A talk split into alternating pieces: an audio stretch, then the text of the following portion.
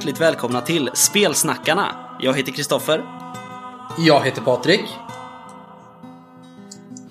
Och jag heter Dan Johansson. Och det är ju vi som är Spelsnackarna plus en gäst. Jajamän.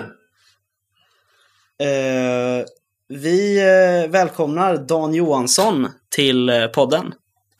Tack så jättemycket. Denna Lucia-kväll när vi spelar in det här. Ja, precis. Man kan känna doften av eh, saffran i luften. Och... Ja, precis. Ja, vi brukar ju alltid... Nu blir det lite så här alkoholreklam här, men vi brukar alltid dricka någonting när vi sitter och spelar in. Och jag har matchat med en bra julöl idag, faktiskt. Inte illa, jag har bara vatten i glaset just nu. Det var en, en liten miss. Ja, det är bättre för hälsan och kanske. Bättra mig fram, framöver, får se.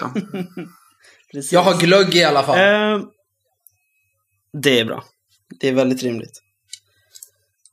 Vi eh, har ju förstås dig, Dan, här av en anledning. Vi vill ju intervjua dig lite grann. Utan att Ja. eh, säga för mycket innan. Om vem du är och så, för de som inte vet det. Men det kommer vi till. Eh, så innan vi börjar med våra mer personliga intervjufrågor så har vi en fråga som vi idag insåg att vi aldrig har ställt till någon av våra gäster. Oj, spännande. Ja, så du får premiära på den. Och den frågan är lite, ja man kan säga att den avgör tonen för resten av avsnittet. Ehm, Och det är, brukar du lyssna på spelsnackarna? Nej, det brukar jag inte göra. Ehm, jag brukar sällan lyssna på poddar överhuvudtaget. Det kanske får bli ändring på det framöver. Ja, vi hoppas ju att du lyssnar på det här avsnittet sen, i alla fall. Ja, Men eh, då så, då var bra, för då vet vi att då är inte du helt hundra på vår form som vi har. Nej, det blir, blir spännande att se. Eh, vi brukar ju sitta och tjata om nyheter och vad vi har skrivit och vad vi har spelat sen vi pratade sist. Och vi tänker att eh, vi ska ta en nyhet idag och sen så ska du få berätta någonting du har spelat. Om du har spelat Mm. någonting senaste veckan eller två veckorna som har gjort lite intryck på dig. Absolut. Men vi börjar med en, vad ska man säga Patrik? Det är väl en blandad nyhet och en liten introduktion av Dan. Ja, eh, det blir det. Vi har ju varit lite inne på nyheten tidigare. Ja, precis. Ehm, det är ingen nyhet nu, men det är fortfarande en grej som är het. Det är ju en Kickstarter som snurrar till onsdag den 16 december. Och det är ju Helmgast Kickstarter för kampanjen Sylfens vrede till eh, Ion. Och ehm, det går bra för den. Den har uppfyllt alla sina stretch goals, uppe i 265 av sina 100 000.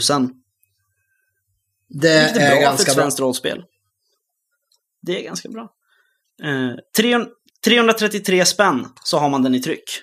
Och det är ju båda, det är två böcker. Jag vet jag nämnde det sist. En är med kampanjens fyra tidigare delar och den andra boken innehåller den sista delen som kommer nu. Rätta mig om jag har fel. Dan, som är då författare till kampanjen Sylfens vrede. Nej, men det stämmer väldigt bra det. Eh, vi passerade nyss en kvarts miljon alltså, vilket är helt fantastiskt. Eh, jag tror att det är svårt att hitta, hitta svenska rollspelsäventyr som, som kom upp på de nivåerna och det var absolut ingenting som, som jag hade förväntat mig heller när vi drog igång den här kampanjen. Ehm, jag tänkte att eh, höll tummarna för att vi skulle uppnå vårat, vårat mål för fundingen så snart som möjligt så att man skulle slippa sitta och, bita på naglarna i hela, hela eh, julveckorna nu som, som kommer.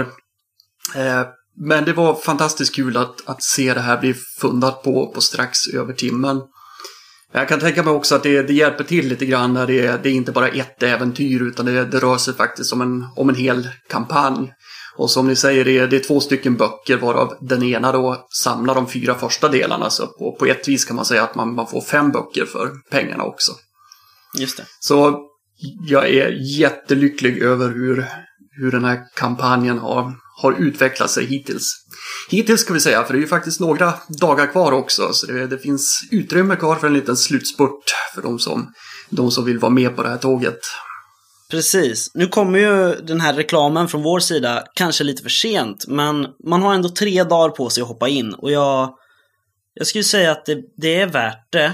För att jag, nu har jag bara läst eh, Diamantäpplet som är kampanjens första del. Och jag har aldrig spelat något av äventyren. Men det verkar bli häftigt. Eh. Ja, det är absolut en, en kampanj som, eh, som stegras eh, under historiens gång. Det, det börjar i en, en ganska liten skala men det, det finns många storylines som vecklar ut sig här. Och konstigt vore väl annars på en kampanj om, om fem böcker förstås. Mm. Eh, så det, det kommer att bli storslaget förhoppningsvis. Just det. Vi, vi kommer återkomma lite grann till kampanjen och du ska få lite friare tyglar sen och berätta lite om dig själv. Men mm. eh, först så tänker jag att vi, vi kör vår grej helt enkelt. Um, och för att du inte ska känna att du inte har koll på formen så kan Patrik få börja med att berätta vad han har spelat sen sist. Oj, nu är det ganska länge sedan jag var med, för jag var inte med i förra avsnittet. Eh, Nej, precis. Men jag har ju spelat årets första juläventyr. Eh, som jag inte kommer ihåg vad det heter. Eh, men eh, Mattias hade ju skrivit det. Och vi var ju en, en familj ute på släktgården. Eh, svensk, vad ska man säga, inte lågadel men inte nödvändigtvis högadel heller. Eh, och jag försökte pusha på och skapa en intrig hela tiden för allt var så mysigt. Och så fanns det ju en intrig där också. Som då började krocka med den jag försökte hitta på. För jag blev så här, vi kan ju inte bara sitta och ha det mysigt hela julafton. Uh, så det vart ju intressant. Just det. Uh, jag försökte förgifta hela min familj för att ta över familjeföretaget och få er att skriva på papper att jag skulle ärva och såna här grejer. Ja. Och sen så kom det ju då en intrig där att uh, grannarna höll ju på att göra samma sak mot oss. Just. Så det var lite spännande. Sen har jag självklart spelat Star Wars D6 med min äldsta dotter Alva, 7 år. Eh, och det var roligt som eh, vanligt. Jag fick vara spelledare nu. Hon eh, har gett sig iväg för att hitta fler Kyber-kristaller så att hennes lärjungar kan göra ljussablar. Okej, okay. häftigt. Eh, Ja, det var ganska häftigt. Vi blev lite störda av att Leia, två år, kom och, och ville självklart vara med och rulla tärningar. Och, och hon vill också ha så här. Så Leia fick ett kopierat rollformulär. För jag har ju några original från boxen. Eh, det fick hon inte använda. Men hon hade ett papper, rullade lite tärning och sa några ord vi inte förstod. Och sen tog hon på sig en Darth Vader-dräkt. Så då fick vi avbryta och slåss med lasersvärd istället. Låter som alla mina spelmöten är hemma. ja. Det blir mycket live i våra spelmöten när jag kör med barnen faktiskt. Uh. Alltså, har jag ju spelat uh, årets andra juläventyr. Men det kanske du kan prata om, Kristoffer. Vad har du spelat sen sist? Uh, ja, jag kan prata lite snabbt om det. För nu skulle vi ju prata om... Uh, det vi ska prata mest om är ju spelet som har gjort mest intryck på oss. Eller störst intryck. Ja. Ehm, Ja, men jag har ju spelat förstås Mattias juläventyr också. Och ehm, så spelade jag ju ditt juläventyr Eine kleine Krampusnacht. Just det. Eh, vi är eh, barn i familjen Mozart. I Österrike. Och eh, vår lillebror Wolfgang blir ju hemskt behandlad av pappa för att han är så värdelös på att spela piano. Eh, han borde bli mycket bättre. Och sen helt plötsligt så vaknar vi julaftonsnatten och det är fullt med hovspår inne i salongen. Eh, som leder ut genom spisen. Eh, och det fattar man ju direkt för du Patrik älskar ju bara Krampus. Av är underbar. ja, jag brukar skrämma barnen med honom i december att skärp er för annars kommer Krampus och kidnappar er. Uh, ja, nej men det var, det var kul. Det var så här, eh, det, det blir lite så när man kör one-shot så har jag fått det att nu, nu ska vi se vad man kan göra med den här situationen. Liksom. Det blir lite larvigt, det kan bli lite mycket liksom, hit och dit, slit och släng. Eh, men det var väldigt trevligt. Och juligt, framförallt. Det är bra. Det var vad jag siktade efter. Ja, precis. Jag har också spelat Snösaga igen. Första gången på distans faktiskt. Vi eh, körde digitalt, för att det är ju så man bör göra det mesta nu. Ja. Och eh, som vanligt, nu har jag en ny rollperson eftersom min andra dog. Men som vanligt så, ja, hela äventyret, eller hela spelmötet gick ut på att jag sitter och är frustrerad och sur. För att nu litar alla på allt alla rollpersoner berättar. Fast min rollperson gick runt, vi, jag tror jag, jag spelade henne i ett år nästan. Och hon gick runt och alla bara, nej, det där är inte sant. Stick, vi litar inte på dig. Eh, och så dog folk. Och nu är det så här, alla litar på alla vad gäller allting. Och då blir jag lite sur. Det är, det är bra att du har spelat den. För då ska vi ju se om, eh, Ja. om den här andra väldigt långa episka kampanjen vi ska prata om har samma problem som Snösaga eller om man kan skriva dem bättre. Vilket jag tror. Ja, just det. Ja, vilken bra öppning Patrik. Eh, men först ska förstås, sen har jag nog inte spelat något mer förresten. Förlåt. Eh, först ska Dan förstås också få berätta om du har spelat något senaste veckan eller veckorna. Ja, precis. Ehm, jag finns under mitt eget namn på Board Game Geek och jag brukar logga alla mina spel så att jag, jag har den kompletta listan här. Ehm, men vi kanske inte ska, ska gå igenom hela den listan. Ehm, jag kan säga nu, nu i helgen så, bara för några timmar sedan så spelade jag ett, ett abstrakt brädspel som heter Ginge som är fantastiskt kul. En, en liten blandning av, av schack och Otello. Eh, fast mycket bättre än de, de båda förstnämnda spelen. Eh, igår så spelade jag ett brädspel som heter Concordia. Så här typiskt eh, handelsspel satt i Medelhavet som det finns eh, förmodligen 200 olika varianter av. Men där Concordia tycker jag är, skiner och, och framstår som det bästa av de här. Men om frågan nu var ett, ett spel som har gjort intryck på mig eh, så är det ett, ett spel som jag spelade senast för två veckor sedan. Min motståndare, ständige motståndare i det här spelet är min fästmö Sara. Eh, och det spelet heter 13 Days eh, och handlar om eh, Kubakrisen. Där man spelar med vars, varsin eh, hand av kort, eh, ganska få kort i varje hand dessutom.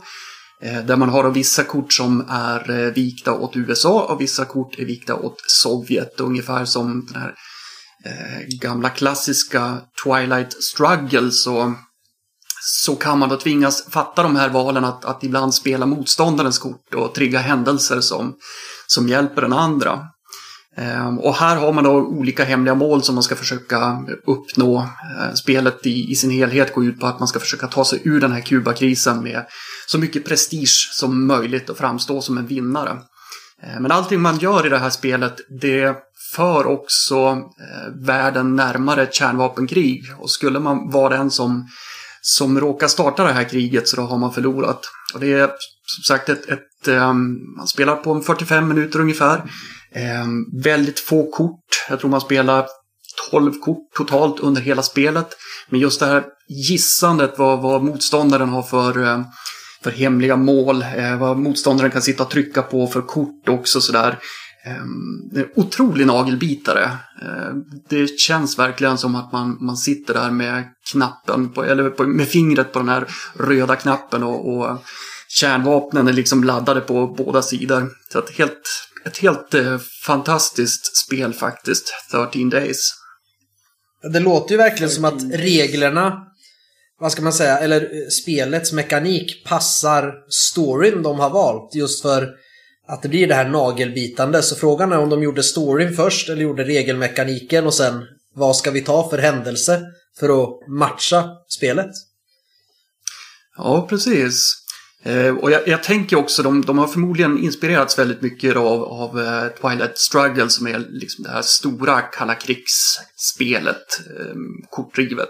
Men det är ju också ett spel som ofta tar en, en tre timmar eller så i anspråk. Ehm, så jag, jag, tror också att lite grann av, av deras ehm, både inspiration och hur det här spelet kom att bli till slut har mycket att göra med att de, de är fans av liksom det, det, det första stora spelet och försökt koka ner det och göra en liten en light-variant. Men jag tycker den här light-varianten den är, inte, den är inte urvattnad utan snarare tvärtom att den, är, den blir väldigt koncentrerad. Så att det här är, det här är verkligen en, en inblick i eh, kanske de mest dramatiska dagarna under hela kalla kriget. Som man har lyckats pressa in i den här lilla lådan med de här, de här få kortlekarna som finns. Så det är riktigt häftigt faktiskt. Det låter ju spännande faktiskt. Det får vi kolla upp. Det låter också...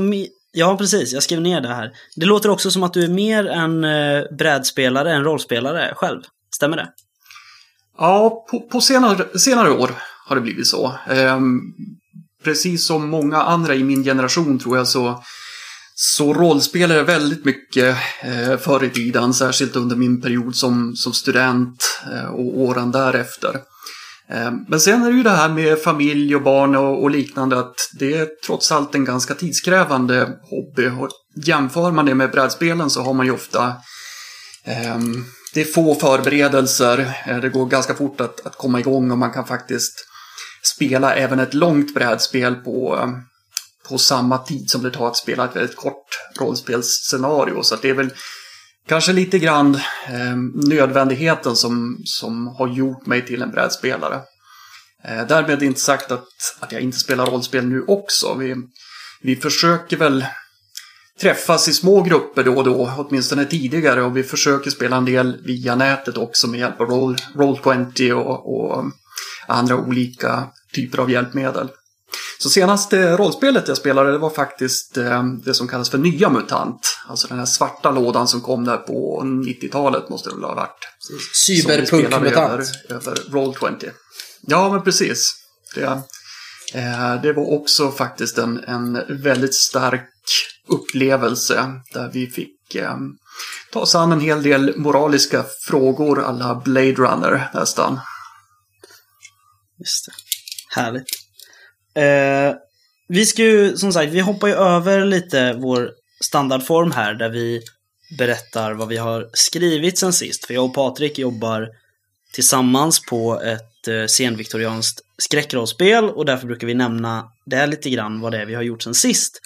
Men... Gud vad spännande! Det, det är min absoluta favoritgenre faktiskt. De här mysskräckrollspelen inom den viktorianska eran. Mm. Eh, precis, vi, eh, fasen nu blev jag ju sugen på att berätta massor om det. om det. Ja. Men... Du, ni kanske får peka ut vilka, vilka poddavsnitt jag ska lyssna på. Jo, så kan jag, precis. kan jag gå tillbaka och göra det, göra det senare. Vi borde ha ett index när vi har pratat mycket om, om, eh, om det spelet. Eh, fasen, vi får börja skriva ner vad alla eh, jag kan, jag kan ju lägga en liten teaser. Jag kan lägga en liten teaser också, både till Dan och några andra. Att, eh, lyssna på de eh, första avsnitten eh, efter nyår så kanske det kommer lite väldigt spännande nyheter där. Om eh, den mörka sant. regimen. Det är sant. Eh, så snarare framåt i tiden och inte bakåt i tiden. Men vi ska ju i alla fall hoppa över det här lite grann. Däremot tänker vi att vi ska fokusera lite mer på vad du har skrivit och inte bara senaste två veckorna utan totalt. Eh, nu mm. som sagt, vi är ju lite sena på bollen för att du har vi fick förfrågan av, eh, av Anton på Helmgast, för jag hade faktiskt ingen koll på dig överhuvudtaget innan. För att jag har aldrig spelat E.ON och jag har inte läst E.ON. Vi har bara tjatat om att vi inte tycker att det låter så roligt, för att det verkar för simulationistiskt. Eh, jag har läst, omvärderat, det kommer i ett senare avsnitt. Men eh, då fick vi frågan om inte det vore kul att intervjua dig. Och vi tänkte att jo, det var länge sedan vi hade gäst nu. Men också samma vecka som vi fick frågan, då dyker du upp i Mindy, Bredd och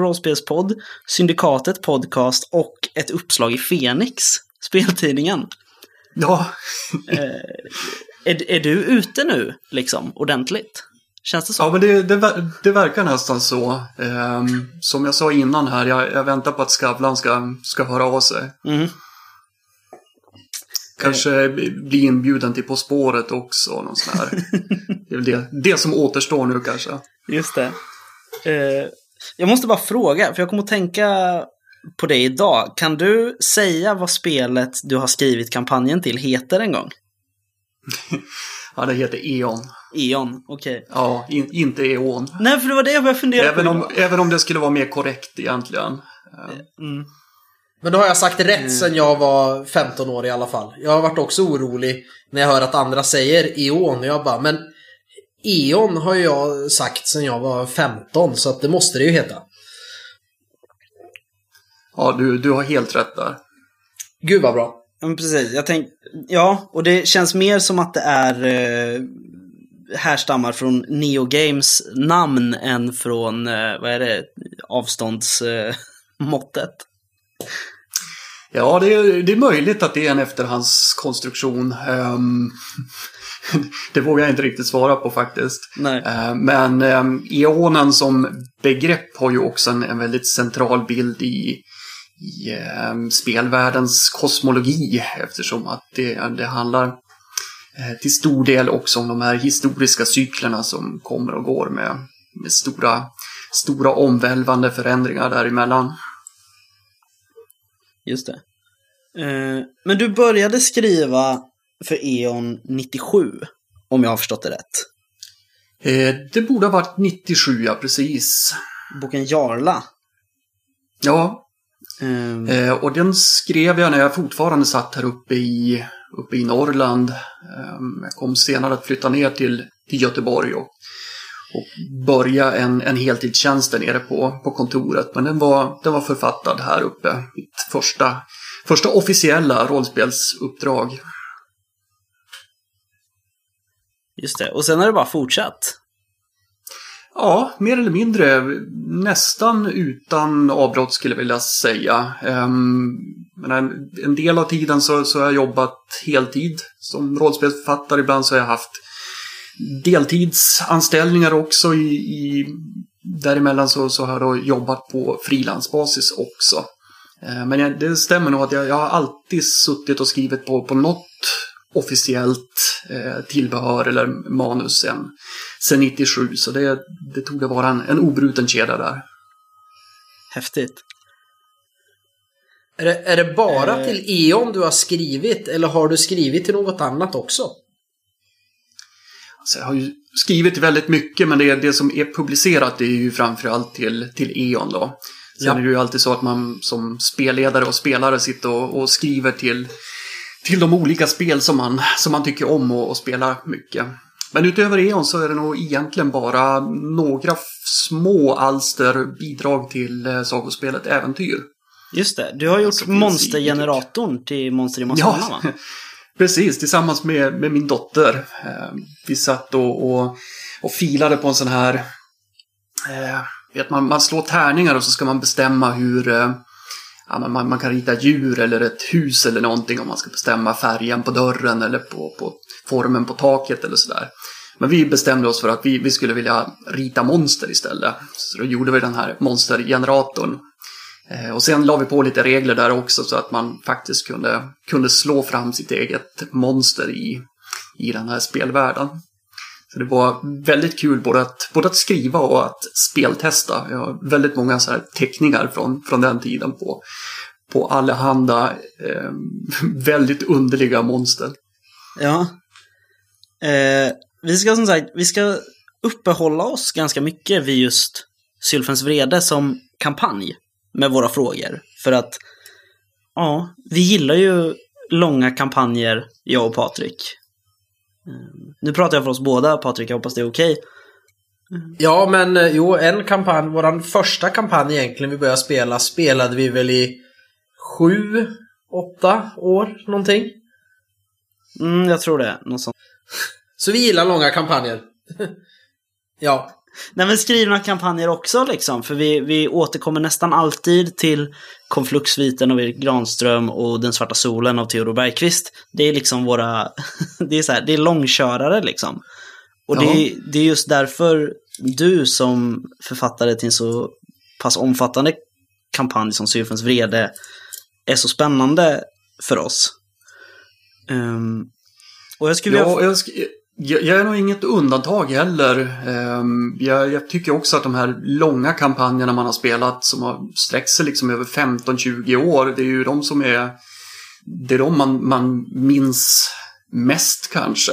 Just eftersom att eh, man har hunnit utveckla sina karaktärer, kanske bytt rollperson några gånger om också och eh, verkligen sådär fått, fått vara med och, och forma ett, ett, större skeende i, i spelvärlden och känna att man har gjort en, en skillnad där också. Mm. Eh, det tycker jag är väldigt spännande. Just det. Det är just det jag skulle vilja eh, inleda med som fråga och det är hur är det att jobba med en kampanj under så här lång tid. För Diamantäpplet släpptes 2004 och jag kan tänka mig att det hinner hända ganska mycket både med dig som författare och spelare liksom eh, och med spelvärlden på de här 16 åren som har gått innan kampanjen blev färdigskriven, eller färdigutgiven, kanske vi ska säga istället. Ja, absolut. Det har hunnit hända väldigt mycket med, med både personer och företag runt om också, får man säga. Mm. Um, jag började skriva på Diamantäpplet redan 2001, även om det dröjde till 2004 innan det kom i tryck. Så, så det rör sig ju ändå om en eh, ja, men det blir väl en 19-årig period om man ska ta liksom startskottet då. Om säger att den kommer i början på, på nästa år så är det ju i princip 20, 20, 20 år eh, som det har tagit att skriva den. Um, och det är klart att det, hade det bara varit upp till mig så hade den här legat färdig långt tidigare förstås. Eh, men alla, alla som känner till Neogames eh, historia som senare blev Helmgast också vet ju att det, det, det händer mycket på, på rollspelsmarknaden också, vilket gör att um, man kan inte helt och hållet styra över, över sådana här saker. Det, det hänger så mycket på så mycket mer än, än eh, bara en manusförfattare. Ehm, även nu då, senaste, alltså manus för, för den sista boken nu, det, det, det börjar också vara nu, det var hösten 2017 som jag kände mig ganska färdig med, med manus där och, och firade lite grann att, att det var färdigskrivet. Men sen att från att ha ett manus till att eh, redigera allt det här och, och, få ihop det till en bok med illustrationer och kartor och extra regler och värden på spelledarpersoner och, och liknande. Eh, det är en ganska stor process. Eh, och vi som gör rollspel gör ju kanske inte det här för Eh, som vårt eh, främsta levebröd heller, utan vi, vi har ju våra vanliga arbeten och vi har våra familjer och vi har allt annat på, på sidan av också. Så det har varit jätteutmanande faktiskt att sy ihop den här säcken. För eh, jag är inte en, en vän av lösa trådar ska jag säga, så att den här sista avslutande delen den har fått ta väldigt mycket plats nu. Ehm, det är ju den det är överlägset längsta av de här fem äventyren som är, är släppt. Eh, och jag har verkligen som, försökt vara noggrann där med att fånga upp precis alla lösa trådar som kan ha funnits tidigare under kampanjen och, och få ihop det här nu till en, en helhet. Så det är inget, eh, inget jag skulle rekommendera någon att sätta sig ner och, och liksom planera för att skriva en kampanj över 20 års utvecklingstid. utan, eh, det, det, det, finns bättre sätt att arbeta på. men ja, givet de, de resurser som vi har haft och de, som läget har varit så, så blev det så. Det. Men det är ändå kul att det, det verkligen kommer nu och det är alla glada tillrop jag har fått också. Tror jag är, det är må, många som hade gett upp hoppet om att överhuvudtaget kunna få, få se ett slut på den här kampanjen och nu kunna, kunna bjuda dem på, på den här liksom, största, största delen av äventyret hittills. Eh, det känns fantastiskt kul. Ja, jag, jag, är inte riktigt där, men jag, jag började skriva på en kampanj till Drakar och Demoner för tio år sedan. Mm. Uh, ungefär. Vi brukar ju snacka om den här, den heter Hästarnas Mästare och blev aldrig avslutad. Uh, Så jag, jag kan nästan säga att jag vet hur det känns, men inte riktigt. För jag är lite på... Det är för mycket hobby i det här projektet. Eh, Ja. jämfört med, jämfört med då Sylfens vrede, förstås. Ja, men du, du har tio år på dig fortfarande. Att Och då det, ska det nog bli klar. du, du är bara halvvägs hittills. Precis, och det är ju bara Det är fyra fara. äventyr. Eh, Jag ser där. Li- Lika många som hästen har ben. Ja, precis. Eh, Men jag tänker, har det hunnit hända något särskilt med Mundana som spelvärld under tiden? Eller känner du att du har samma plats som du återvänder till i alla fem delar och skriver? Det är kanske lite svår fråga. Ja, men det, det är både och, för att det, det måste ske en förändring. Ehm, och den här kampanjen sträcker sig ju också ö- över flera spelår jag in-game, tänker- om man säger så. ja. Eh, så, så att saker och till- ting står inte stilla och en, en, jag försöker väva in en hel del råd och tips till spelledaren hur man kan, eh, hur man kan se till att, eh, att förändra olika skeenden i den del av världen som, som de här äventyren utspelas i. Men sen är det ju så också att själva spelet har ju skiftat lite fokus från det att Helmgast kom in och, och gav ut den här fjärde utgåvan. Mm. Eh, där både, man säger, centrum för spelvärlden har flyttats till det som kallas det Jargiska kejsardömet. Eh, och det låg väl tidigare ett, ett centrum runt eh, länderna Asharien och Soldern. Och man kan säga att stora delar av den här kampanjen utspelar sig rent geografiskt mellan de här tre rikena. Så det är klart att det, det har spelat in kanske lite grann på på, på rent liksom den plats som det här äventyret ehm, eh, tar, ta sig uttryck i eller utspelar sig i. Eh, men sen är det ju förstås också så att jag har inte velat gå in och, och förändra för mycket i ska man säga, stämningen eller sådär. Utan jag, jag vill ju fortfarande att det här ska kännas som en, eh, som en enhetlig Eh, kampanj och inte fem stycken väldigt lösryckta äventyr med, med olika stämning. Eh, men med det sagt så, så har de här ingående äventyren ändå sin, sina speciella särdrag. Eh, och jag skulle också tro att speciellt de två sista delarna så märks det kanske att det är en lite, en lite äldre och erfarnare person med, med fler, fler livserfarenheter helt enkelt som, som har författat de delarna. Eh, Det är lite mer fart och fläkt och action och glad fantasy i början och eh, kanske lite större, eh, skulle inte säga existentiella frågor, men det finns åtminstone utrymme för att eh, vara inne och, och, och rota runt i sånt om man tycker att sånt är kul. Just det. Spännande. Ja, jag skulle säga att det behöver inte vara en nackdel för precis som författaren växer så om man nu började spela kampanjen från början så att säga så borde man ju ha fått lika mycket livserfarenhet och vill uppleva annat som spelare. Och även om man är eh, nya spelare som börjar spela idag så får man ändå se det som att rollpersonerna växer. Eh, kanske. Ja, det är en, en jättebra poäng. Det, det vet ju jag om man nu bara ska ta den. Eh, För det är ju så som med min bakgrund i mitt liv att det är jättehäftigt som militär första gången man ska ut och jobba på riktigt. Och det är det som är häftigt, lite så fantasy action. Och sen när man blir äldre och gör annat så kommer man på att nej, det är lite djupare saker som är viktiga. Så att det där kanske är bra att kampanjen utvecklas när du utvecklas. För då gör spelarna det med den också. Eller rollpersonerna snarare. Ja. Jo, det, och det kan ju absolut vara någonting som har kommit lite, lite gratis med, med att utvecklingstiden blev så pass lång. Så, Just det. Eh, Patrik, du har en fråga nu. Ja. Eh, nu är det här en väldigt omfattande kampanj som vi har pratat om och då undrar jag att när du började och skrev Diamantäpplet, fanns det planer på alla delar i kampanjen att ungefär så här ska det gå och hit ska det nå? Eller var det bara Diamantäpplet och så utvecklades det efterhand?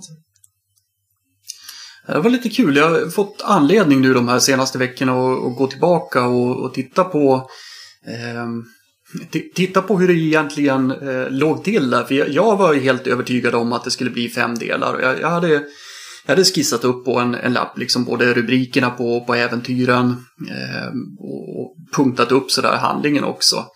Eh, nu med facit i hand kan man säga att, att eh, endast ett, ett fåtal av, av titlarna återanvändes och eh, vissa av de här punkterna finns kvar, vissa av dem har hamnat i, i eh, andra böcker än vad jag hade tänkt från början och, och vissa har tillkommit också förstås. Eh, men sen de jag hade runt om mig, de, de var inte lika införstådda med att det här skulle bli fem delar. Jag la fram det som det, men jag tror att det fanns en liten sån här Eh, speciellt hos mina producenter då att eh, det, det, är lite bok för bok och så får vi se hur, får vi se hur intresset är här. Eh, så i mitt huvud så, så var det absolut en, en, eh, en femdelskampanj. Eh, men det är möjligt att det, det, bara existerar i mitt huvud och i mina anteckningar. Du nämner ju Sylfens vrede som kampanj och eh, så redan i förordet i Diamantäpplet. Mm. Eh, vilket är ganska spännande för att det är liksom, vad ska man säga, om man jämför med, med Symbaroms kampanj, Törnetronen, där är det ju liksom, då får man ju i slutet på varje så här, ja, ah, nu får äventyrarna vila upp sig innan nästa del som heter da, da, da, och så står det vad de ska göra och vad den heter och alla sådana grejer. Mm. Eh, och då förstår man ju att Mattias Jonsson Hake är ju redan färdig. Liksom. Han, han har ju bestämt hur allt ska gå redan. Eh, men här är det liksom att diamantäpplet är starten på Sylfens vrede. Eh, och det är ju det som blir så spännande, så att, att det nämns, men nu att du berättar också att det inte riktigt, det var inte helt färdigt och det har inte gått helt enligt plan. Eh, men känner du ändå att, känner du ändå att Sylfens vrede har blivit och varit det du trodde att det skulle vara när du skrev Diamantäpplet? Ja och nej får jag väl säga. Um, så, som kampanj, alltså det... Under tiden som jag, som jag skrivit på de här äventyren så, så det är klart att jag, jag har fått nya idéer och det, det har väckts nya... Eh, fått uppslag till, till helt nya områden som jag velat utforska och sådär. Eh, ett exempel som jag ofta brukar dra fram det är ju också att en del mäktiga spelledarpersoner sådär har överraskat mig under tiden som jag har skrivit och mer eller mindre krävt att jag ska ge dem deras egen historia också sådär parallellt med äventyren. Eh, så det är väl någonting som jag har använt kanske lite grann som inspiration i mitt skrivande också. Att eh, ja, men, vågat att inte punkta upp och göra ett färdigt synopsis redan från början utan utan låta mig själv överraskas också lite grann som, som äventyrsförfattare. Eh, och få sätta sig ner och, och börja skriva någonting och sen i slutet av skrivpasset så liksom, få den här känslan av oj då, det där hade jag inte riktigt väntat mig när jag satte mig ner och, och skrev här i, i morse. Eh, så att både ja och nej. Eh, jag tycker i sin... Sen har det ju också liksom i sin omfattning eh, eh, liksom överträffat alla mina förväntningar. Jag, jag sa på skoj någon gång sådär att det, det vore jättekul att en vacker dag samla alla delarna så här i en, en bok om 333 sidor. Eftersom att tretalet är lite så speciellt nu i den här kampanjen. Ja. Men nu har vi landat i liksom två böcker på med ungefär det dubbla uppe och, upp och nosa liksom på 600 sidor. Så att rent omfångsmässigt så, så blev det ju mycket större än vad jag hade hade kunnat föreställa mig i mina vildaste fantasier. Sen är det ju också lite, vi, vi kommer tillbaka till det här med, med hur man, ja men vilka, vilken framförhållning man kan ha.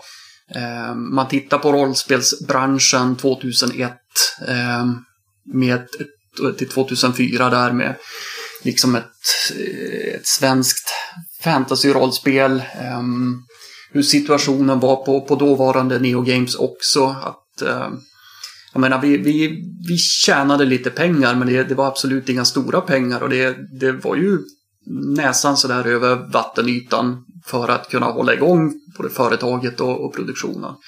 Att i ett sånt läge gå ut och, och, lova en massa titlar, det tror jag vi, det lyckades vi bränna oss på några gånger med, med eh, inte minst med, med en del tillbehör och annat till Neotech, vill jag minnas.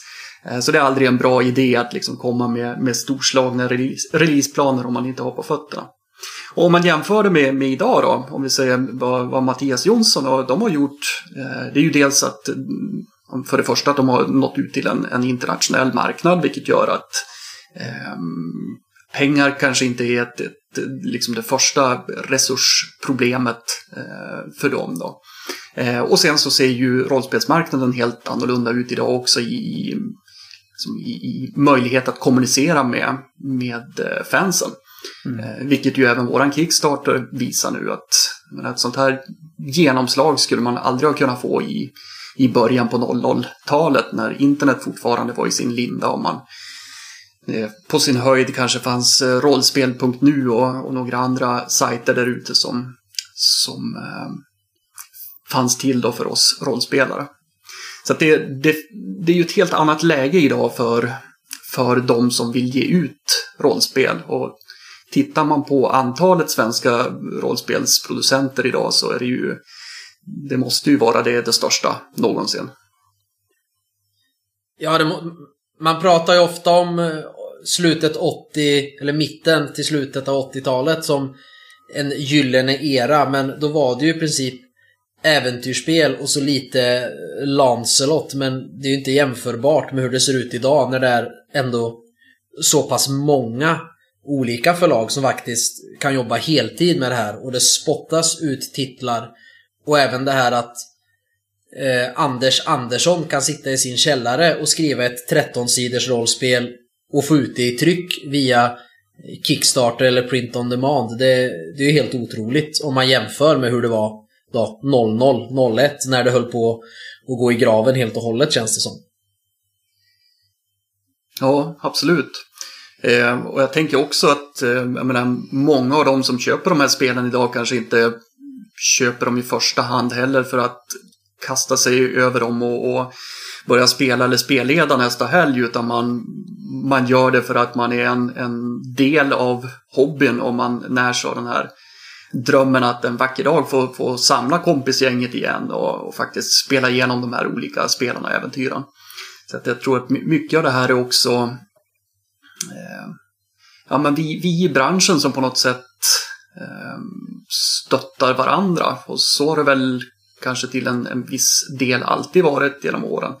Eh, men jag tror att man det, det, det jag försöker säga att det, det, det, finns inte så mycket konkurrens idag som det kanske fanns om vi backar då 20-25 år tillbaka i tiden. Utan det är snarare så att när man ser kollegor komma ut med ett, ett nytt spel eller en ny bok så, så hurrar man för dem eller hjälper till att backa dem eller skri, kanske till och med skriver någonting för dem och sådär. Så, så jag tycker att det är en, en väldigt familjär och, och rolig bransch att eh, jobba inom.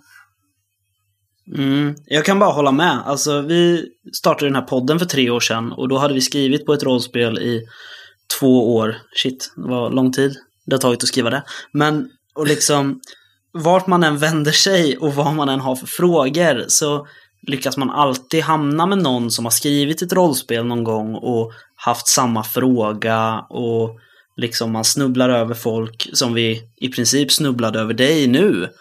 Uh, och liksom allt blir bara... Det, det, är en så pass nischad hobby så att man... Det är ett så stort intresse man delar med alla så att det blir oundvikligen att man känner att man hör till. Uh, och, och, jag känner bara, alltså rollspelen som säger vi skriver in ditt namn i boken i en backerlista. Då är det ju verkligen så här, ja men jag har hjälpt till med det här. Mm. Eh, så att det, ja, det håller jag med om. Jag tror att, eh, att eh, gräsrotsfinansieringen har gjort mycket, inte bara för att få ut rollspelen utan också varför man köper dem och vill ha ut dem. vi är inne på E.ON 4 nu, fjärde utgåvan. Som kom 2014. Tror jag. Det borde stämma. Ja. Um, Tror jag. och, och då som sagt, då är det alltså fyra olika utgåvor du har skrivit till. Ja, jag- det borde stämma ja. Mm. Och jag tänker, har de här eh, utgåvorna, bortsett från då att det är skifte i regelsystem och sådana grejer, har det påverkat dig när du har skrivit kampanjen? Att det har kommit nya utgåvor? Eh, om jag tänker bort reglerna så... Ja, lite grann kanske. Ehm, för att eh, speciellt den, den senaste utgåvan, alltså E.ON har ju alltid gjort sig känt för att vara ett, ett eh, rollspel där, där världen ska hänga ihop. Det är liksom inte den här generiska fantasy-lapptäcket eh, utan det ska finnas en, en tanke bakom allt. Att historiken ska hänga ihop, att politiken ska hänga ihop, att samhällsstrukturerna ska, ska vara rätt. Ehm, och det tror jag har accentuerats en hel del med, med den fjärde utgåvan eh, av E.ON. Där vi har ett, ett väldigt härligt gäng som eh, och väldigt kunnigt gäng också, ehm, måste jag säga. Eh, som gör att man, man får skärpa till sig lite extra ehm, och vara lite mer noggrann när man skriver. Så att man inte, inte rör sig utanför vad som inte bara kan förklaras bort med att ja, men det finns magi i världen så därför borde det här funka. Eh, utan eh, var, var lite mer så här tänkt på, på um, hur olika typer av, av fenomen faktiskt skulle kunna uppstå och eh, förklaras och falla ut i den här spelvärlden. Så det, det är en viss skillnad faktiskt. Um, till, till det bättre, skulle jag säga. Mm. Men, men har det liksom... Eh, har, hur, eftersom du sa det i början, bortsett från regelsystemet, har regelsystemet påverkat själva skrivandet också? Alltså, satt du och tänkte inför fjärde utgåvan att åh nej, nu behöver jag skriva eh, spelledarpersoner med antal T6 istället för procentchans? Jag tänkte nog inte det inför, men jag blev smärtsamt medveten om, om det här under arbetets gång. Eh, men som tur var så jag, jag har inte varit ensam på, på det här projektet också, även om, om jag har författat mycket så, så har jag haft eh, stor hjälp av eh, en kille som heter Jens Klotz när det kommer till att eh, sitta och, och eh, starta upp då, eh, spelledarpersoner för den här nya utgåvan. Eh, Lukas Sjöström som är en helt fantastisk skribent har också gjort mycket av de här regeldelarna.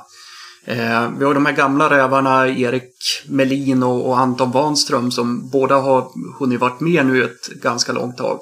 Eh, som har kommit med jättemycket bra feedback på vad gäller spelvärlden och sådär. Eh, sen har vi en, en kille som Ola Jentsch som Alltså på, när jag började skriva den här kampanjen då, då fanns ju knappt Wikipedia. Eh, men Ola han, han känns som Wikipedia förkroppsligad. Om man liksom vill veta någonting om så här östtibetansk matkultur eller om man vill, eh, vill veta hur, hur olika fiskar eh, syresätt, eh, syresätts liksom på, på havsdjupen i, i eh, Baikalsjön eller någonting sånt. Då är liksom Ola kan man förmodligen väcka på, på Slacks här mitt i natten och, och sen så föreläser han om det. Eh, så jag, jag tror att Wikipedia borde liksom skänka pengar till Ola. Jag tror han, han är Wikipedia. Det, det är teamwork som har räddat Sylfens vrede helt enkelt. Ja, alltså den skulle aldrig liksom kunna, kunna bli till utan, utan de här personernas hjälp. Och det är det som är så kul med, med Helmgast också, att vi är verkligen ett, ett team på, i ordets rätta bemärkelse. Och det är inte bara den här boken heller, utan alla böcker som, som ges ut av Helmgast eh, genomgår hela tiden liksom den här kombinerade peer-reviewn och eh, Liksom samsynen att har man en, en fundering på någonting, jag, jag sitter och skriver på den här, de här detaljerna om, om eh, det här riket, men, har ni några synpunkter på det? Och sen kommer det liksom en massvis med synpunkter som, som både hjälper en vidare och tvingar en att, att eh, döda sina darlings ibland också och sådär. Eh, men det gör att det blir väldigt bra kvalitet på, på de saker som vi, som vi ger ut sen också. Just det. Det... Shit, jag blir lite avundsjuk. Jag sitter ju mest och skriver själv och så blir det som det blir. Ja, nej, men det är lite, lite både och, för det är, det är lite läskigt också att liksom kasta ut sina texter och, och folk ska sitta och, och, kommentera på dem. Och, och eh, så att visst, det, det finns ju en, en, en liten röst inom en som hela tiden sitter och skriker att det, det här, det här ska du inte visa för någon. Eh, skriv på så här så, så slipper, du, slipper du gå in och ändra. Ja, eh, men sen så inser man hur, hur mycket bättre det blir för, för varje par ögon som faktiskt sitter och tittar på den här texten. Ja, eh, jag tror det bästa jag har haft som hjälp, jag har skrivit ett eh, scenario till eh, Leviathan av Robert Jonsson. Och den främsta hjälp jag hade då, det var när han satte sig med sin spelgrupp och spelade mitt scenario och jag fick ljudfilerna sen. Eh, för då var det liksom, var, varje gång han gör en lång paus och börjar bläddra i papper, då förstår jag att shit, det här kapitlet måste jag göra lite tydligare. ja, men det är ju helt perfekt. För jag, har ju den, jag är så dålig på att speltesta, så jag, jag, bara skriver saker och sen skickar jag iväg dem till vart det nu är de ska. Mm. Eh, och så får man så här, hm, hur gick det här vid speltestet? För det här känns lite klumpigt. Ja du, säger man då. Ja. Det var inget spel. Ja, men det, det, det är ju så. Det, jag menar, jag, jag känner mig som sagt väldigt färdig med, med manus till den här avslutande delen redan 2017. Men när man ser hur... Om man liksom inte bara kastar in det i tryckpressen så då det kommer att bli mer arbete och i, i det här fallet så har det blivit mycket mer arbete än vad, vad någon av oss kunde föreställa oss också. Jag hade ett litet snack med, med Anton Wanström här som är, är producent för böckerna. Han, han sa någonting, uttryckte det i stil med att ja, men hade vi vetat hur mycket efterarbete som ändå skulle behöva, behöva göras här så, så kanske vi inte hade, hade varit lika kaxiga i början och, och orkat med det här. Eh, utan vi har, vi har tagit det liksom steg för steg och, och köttat oss igenom eh, det här monstret till kampanj som, som det blev till slut. Eh, och känner oss väldigt nöjda också med, med slutresultatet. Men tittar man, tittar man på Kickstarter nu så ser man ju att det var ju värt det. Även om det var mycket jobb. Ja, absolut. Um, det, det, det verkar liksom ha, ha funnits ändå ett, ett uppbyggt sug där. Som jag, som jag sa lite grann i början att om jag satt och höll tummarna för att det här skulle bli fandat och, och gärna att det skulle gå, gå relativt fort så man slapp liksom gå flera dagar och, och vara nervös för om det här överhuvudtaget nu skulle gå ut i, i tryck. Så det, det verkar ha funnits ändå en, en eh, stor längtan efter det här. Och som alltid, det, det vet man ju själv också, att man, man, väntar ju hellre lite längre och får liksom en, en riktigt bra produkt i slutändan. Än att saker och ting ska, ska skyndas ut. Så mm, det, det tycker jag ändå det är framförallt eh, mungiporna uppåt sådär. Även om man har åkt på en och annan gliring också de här senaste veckorna just vad, vad gäller utvecklingstiden. Just det. Eh, men jag tänker, nu när du pratar så varmt om, om tiden ni har lagt ner på det här och så, då kommer vi inte hitta en enda procentangivelse då i, i de första tre delarna som inte har släppts till om fyra, eller? Allt kommer sitta perfekt. Ni kommer inte ha missat en enda regel, vad heter det, konvertering. Nej, det kommer, det kommer aldrig att hända. Um, det kommer aldrig att hända i, i något spel tror jag. Um, och sådana så härliga härliga debacle eh, som har inträffat under årens lopp som när vi fick eh, när vi fick Asharian och Soldan och Sorgernas brunn eh, i tryck för första gången. Liksom pallarna hade körts in med truck på, på lagret och vi tog upp de här två böckerna och, och tittar på dem och vänder och vrider lite på dem och sen ser vi på bokryggen att den ena boken har liksom fått den andra bokens titel på sin bokrygg. Nej, det var bara, fy vad surt. Att, bara ut med alla de här kartongerna igen och, och skicka tillbaka en ny, ny beställning till, till tryckeriet. Eh, och få då de här inlagorna eh, instoppade, inlimmade i nya pärmar allihop. Um, jag minns, vi, vi hade också så här lite, det låter väldigt demoraliserande men eh, ofta när vi fick en ny bok så här så satte vi oss ner i, i fikasofforna där på Neo Games och så hade vi en liten tävling om vem som kunde hitta det första korrekturfelet. Liksom i den, den tryckta boken.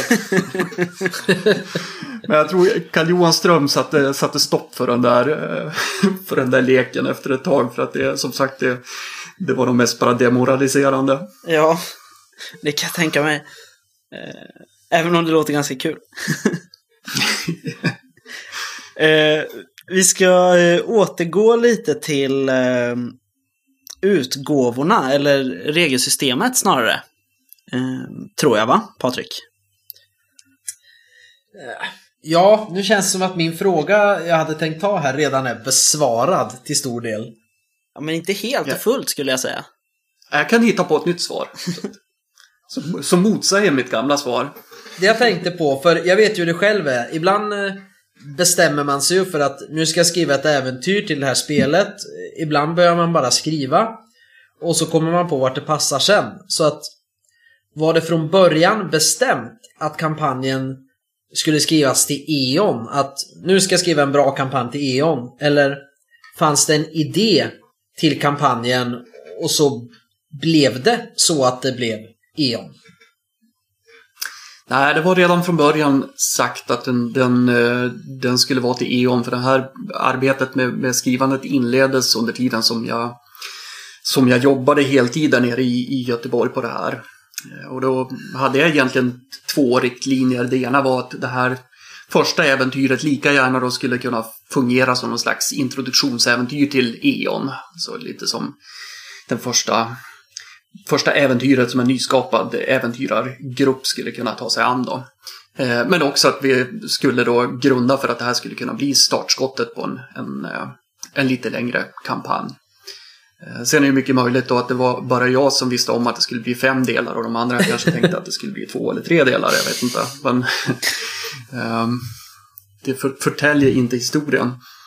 Men det, som sagt, det, det var väldigt ehm, det var väldigt eh, styrt redan från början, eh, just de delarna. Eh, sen var det väl kanske inte självklart att det här skulle utspela sig rent geografiskt på de platser i, i spelvärlden som det, som det kom att göras. Um, som jag sa tidigare, fokus låg ju egentligen på två andra länder. Um, på den andra sidan halvön um, där det här utspelar sig. Så jag minns faktiskt inte riktigt hur, hur det blev som det blev. Att, att Eh, att vi förlade äventyret till, till just den här delen av, av spelvärlden.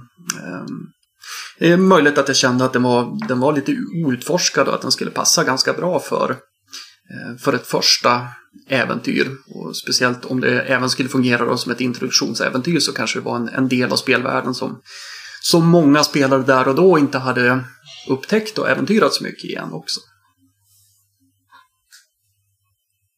Ja men precis. Gud, nu blir jag ju jättesugen mm. på att lämna tillbaks barnens julklappar så jag kan köpa E.ON istället. eh, ja, varför inte? jag har inga barn så jag har redan köpt E.ON 4. eh, men jag har då, vi ska se, det kanske blir avslutande fråga till och med.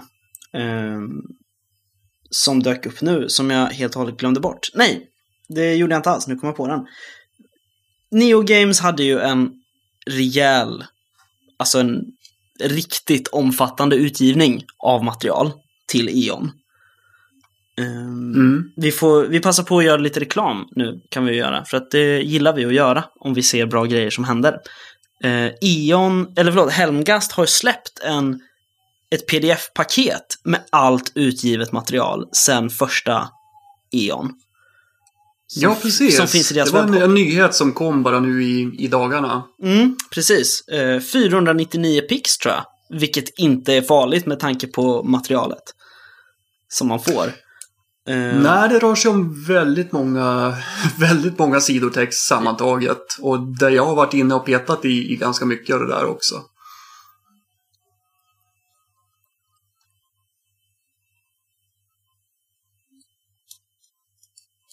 Men jag tänker, för jag vet som backare till uh, Sylfens vrede-kampanjen så får man också rabatt sen när kampanjen är slut på den här bundlen med pdf-er. Eh, Det stämmer bra det. Men jag blev lite nyfiken om du har koll på, är tidigare delar av Sylfens vrede med i den här bundlen? Eh, jag skulle vilja säga, jag, jag tyckte jag såg dem, eh, åtminstone då de tre första delarna. Eftersom att den fjärde delen, eh, den fanns faktiskt layoutad och klar för, för E.ON 3. Eh, men sen så övergick ju då eh, E.ON-licensen så småningom till Helmgast och där hade man ju då släppt den fjärde utgåvan så att den gjorde vi om och eh, eh, Och den kom då för första gången till, eh, till E.ON 4. Så det finns en, det finns en, en, en tidig pdf även på, på ödesväven till, eh, till E.ON 3, men den, den kom aldrig ut i tryck då. Så de tre, tre första delarna de, de finns med i det här Ja. pdf-paketet. Då behöver man ju bara konvertera. Fast det är bara två delar, eller hur? Diamantäpplet släpptes väl konverterad också va? Som pdf har jag för mig. Den finns konverterad som pdf, det, det stämmer bra ja. Mm. Då behöver man inte backa Sylfens vrede. Nej då. Du behöver ändå backa för att få det, det rabatterade priset på det Jo. här jättelika paketet. Precis. Eh, sen ska man betänka att det, det har tagit oss tre år nu att eh, översätta spelledarpersonerna eh, och synka innehållet från, från de tidigare delarna. Så eh, den spelledare som vill sätta sig ner och, och bygga om de gamla delarna kanske ska kanske ska tänka sig för en och, en och annan gång. Tänka ett extra varv. Ja. Eh, just det, jag ville någonstans med det här. Jag hade en fråga också. Så var det ju. Eh, jo, men för till E.ON 4 så kom ju eh, Ödesväven. Del 4 Mm. i kampanjen. Och strid, en, en bok med stridsregler och en bok med magiregler kom nu i år också va? Tidigare. Vill jag minnas. Ja. Och så nu kommer Sylfens vrede. Är det... Ha, vad har du på tur till E.ON? Är det något mer på gång? Jag har ett projekt på gång som fortfarande är hemligt. Eh, det är bara den innersta kretsen av helmgastar som, som vet om det här. Eh, jag kan väl avslöja så mycket som att det, det finns en E.ON-koppling eh, i det här. Men närmare nyheter runt detta kommer nog inte att bli officiellt förrän tidigast under, under nästa år. Okej. Eh, men om du får sia lite, tror du att E.ON 4 kommer nå upp i tidigare utgåvors omfattning? Ehm. Ja du, bra fråga. Mycket bra fråga. Ehm. Man får ju betänka också då att de tidigare E.ON, alltså vi, vi pratar om tidigare E.ONs utgivning, det, det är ju ändå tre versioner som inryms där. Mm. Så om man liksom delar den gamla utgivningen med tre, då skulle jag säga att absolut.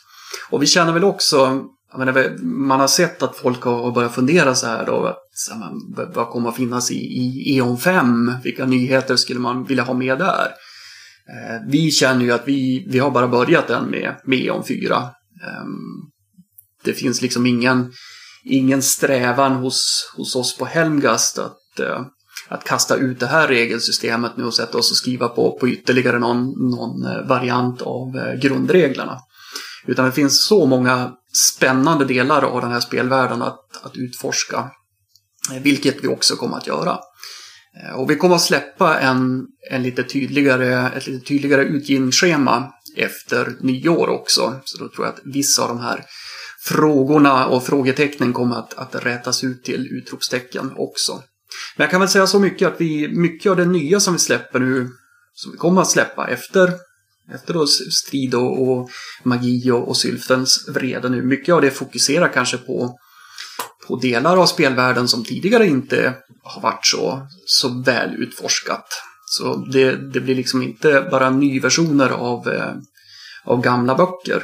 Utan eh, vi rör oss, rör oss ut i, i eh, på outforskad, otrampad mark också. Eh, så det kommer att, att hända en hel del. Många fräscha eh, nyheter tror jag som, som väntar runt hörnet. Ja, spännande. Jag insåg nu att jag glömde bort två eh, produkter faktiskt till Eon 4. Och det är ju Damarien, världsmodulen och eh, Äventyrets väg. Som jag helt Ja, bara struntade i. Äventyrs, Äventyrens väg som, som innehåller en, en hel del eh, historik också runt eh, hela Eons historia. Så det är, det är väl värt eh, läsning för, för den som är intresserad. Och Damarian som är en helt, helt fantastisk modul. Eh, förmodligen topp tre Eon-moduler som, som någonsin har skrivits, som Erik Melin ligger bakom. Eh, fantastiskt bra bok. Ja, vi får checka in den. Som sagt, vi har aldrig... Vi har bara pratat om att vi aldrig kommer spela E.ON och nu sitter vi här. Nej men jag tror mycket av det... Ja, jag tror du är påverkad kanske lite av mig för jag var typ 14-15 år så... Ja, det är ju nästan 20 år sedan. Så spelade jag ett one-shot Eon med en kompis som var helt inne på det där. Och jag vet att jag satt där med tabeller och tärningar till höger och vänster. Och så fattade jag ingenting när spelmötet var slut och det var tråkigt. Så då gick jag hem och läste BRP igen. Och då har jag bara dömt ut Eon att eh, det här är krångligt och det här vill jag inte hålla på med. Men nu har jag som fått en annan bild. Så nu måste vi ta tag i det här och spela eh, åtminstone lite av Sylfens vrede. Ja, diamantäpplet i alla fall känner jag. Måste vi spela. Det är Precis, coolt ni får, får börja där och sen så kanske ni halkar vidare. Ehm, um, nej, men jag kan ju säga att, att E.ON 4 det är ju den mest strömlinjeformade eh, eh, versionen av regelsystemet hittills också. Så att det är ju det är absolut inte lika, eh, lika att, jag ska inte säga att det var tungrott om de första eh, versionerna, men det, det fanns väldigt många regler i alla fall om man ville använda dem. Så det, det är det första, att det här är faktiskt den, den enklaste varianten av, av E.ON att eh, sätta igång med att börja spela. Och sen ska man ju också veta det att eh, många av de här reglerna är ju frivilliga. Man, man väljer som spelledare eh, de regler man vill ha med. Och, och reglerna är uppbyggda på det viset att det, det finns moduler att, som man kan plocka in efterhand om man tycker att det är kul. Ehm, men jag är personligen också en, en väldigt stor vän av, av enkla regelsystem. Som Basic Roleplaying som du nämner är ju ett, ett system som, som hängt med eh, genom ens rollspelsliv. ehm, som jag gärna återvänder till. Just det. Eh, och E.ON 4s regelsystem påminner ju väldigt mycket om Star Wars D6 som ju Ja, men precis. Patrik ändå Det- spelar. Ja, Det är bara de här öppna, öppna tärningarna va, som, eh, som skiljer en del. ja eh, De oändliga om man tittar på de, de mest grund, grundläggande reglerna så, så är det väl inte en, en helt tokig beskrivning kanske. Nej. Då passar det ju bra för jag tycker Mm. att eh, Star Wars D6 är det bästa regelsystem, ett av de bästa regelsystem som har skrivits.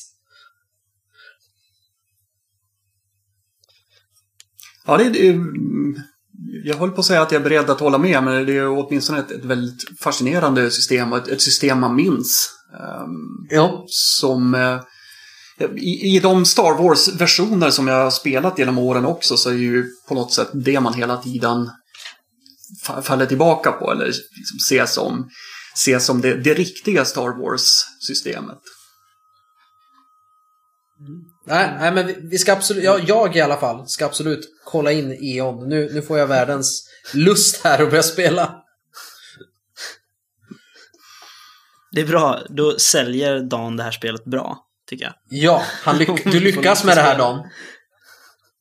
Ja, det, det, var, det var inte min avsikt men ehm, det, det var ju en trevlig, trevlig sidoeffekt av det här spelsnacket. Ja, Du, du, du får börja jobba extra på sales and marketing på Helmgast också. Ja, men precis. Jag, jag fick faktiskt en kommentar här från, eh, från, från någon som hade lyssnat på mig på en, en tidigare podd som jag var med i. Och han sa det att ja, men det hörs att den här snubben föreläser. Han, han låter så genomtrevlig. så, så jag pitchade det till Anton på Hemgast och sa det att eh, jag kanske ska, ska börja extra knäcka på, på telefonförsäljningsavdelningen. Ja. Eh, har du några fler frågor Patrik? Nej, jag känner att vi har vi har tömt ut eh, Sylfens vrede ganska bra. Eh, det vi kan Ja. säga om det eh, nu, i dagsläget. Ja, precis. Vi vill ju inte spoila någonting så det... Man får ge sig till tåls helt enkelt och, och eh, backa kampanjen så kommer man ju att få eh, preliminära pdf-er på de här äventyren också i, eh, i god tid innan de fysiska böckerna kommer sen. Just det. Och vi lägger ju såklart en länk till den kickstarten här vid avsnittet. Så man hittar dit så lätt som möjligt. Eh, ja, då återstår väl bara att eh, tacka dig Dan för att du ville vara med. Ja, men tusen tack för att jag fick komma hit. Ehm, och så, eh, ja, ska jag väl ja, säga hej då till Patrik också förstås måste jag göra. Men vi, vi kommer ju återkomma ganska mycket tror jag till, till E.ON i framtiden. Eh, vilken framtid får vi se, men medan vi har det här färskt i minnet, tänker jag i alla fall. Och eh, ja, ni vet att som vanligt om man vill oss något så går man in på facebook.com spelsnackarna, skriver en rad eller går in på Messenger, söker upp oss, spelsnackarna, eller så mejlar man oss på spelsnackarna gmail.com. Eh, nu ska vi se, det här var ju ett jätteproblem när vi hade med Robert Jonsson, det här hur man säger hej då på tre personer. Eh, så jag kommer, jag kommer peka på en av er var och sen kommer vi köra slutgrejen. så jag kommer säga hej då Dan, Hej då. hej då Patrik. Hej då Kristoffer och Dan.